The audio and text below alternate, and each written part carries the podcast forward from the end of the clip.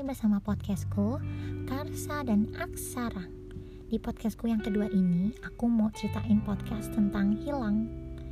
Ketika kamu sudah memilih dan meyakinkan diri pada satu titik pilihan Dan melewati berbagai fase-fase yang telah kamu lalui bertahun-tahun lamanya Terkadang semua bisa menjadi sia-sia atas apa yang telah diperuntukkan dalam perhitungan yang hanya menjadi semu belaka dibalut oleh luka yang akan membekas dalam ingatan. Hmm, yaps, di situ titik di mana kita mencintai dengan tulus, tapi malah disia-siakan atas apa setiap perjalanan panjang telah dilalui bersama. Hancur, sakit, kecewa, sudah menjadi fase-fase setiap dalam momen ini. Begitu gampangnya, bukan? Hilang begitu saja tanpa memikirkan bahwa yang sudah dilalui bersama itu bukanlah hal-hal dalam waktu yang sebentar. Seperti pagi hari berganti menjadi malam hari, enggak, enggak semudah 24 jam pergantian waktu di bumi.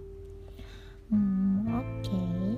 dari sini kita harus belajar bahwa yang kita pertahankan sekuat apa pun dalam genggaman, kalau memang hanya jadi sementara, bukan untuk selamanya, yang diatur semesta mau nggak mau harus mengikhlaskan tapi saran aku tetap jadi diri kamu sendiri.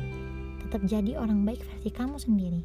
Karena dalam konsep mencintai seseorang itu dengan cara bagaimana orang itu dalam menyayangi kamu di setiap hari demi hari, bulan demi bulan, bahkan tahun demi tahun, dengan fase terbaiknya. Tinggal kamu saja yang dicintai seseorang itu harus merasa bersyukur atas apa yang telah ditetapkannya. Kalau kamu masih menjadi prioritas dalam hidupnya sampai saat ini.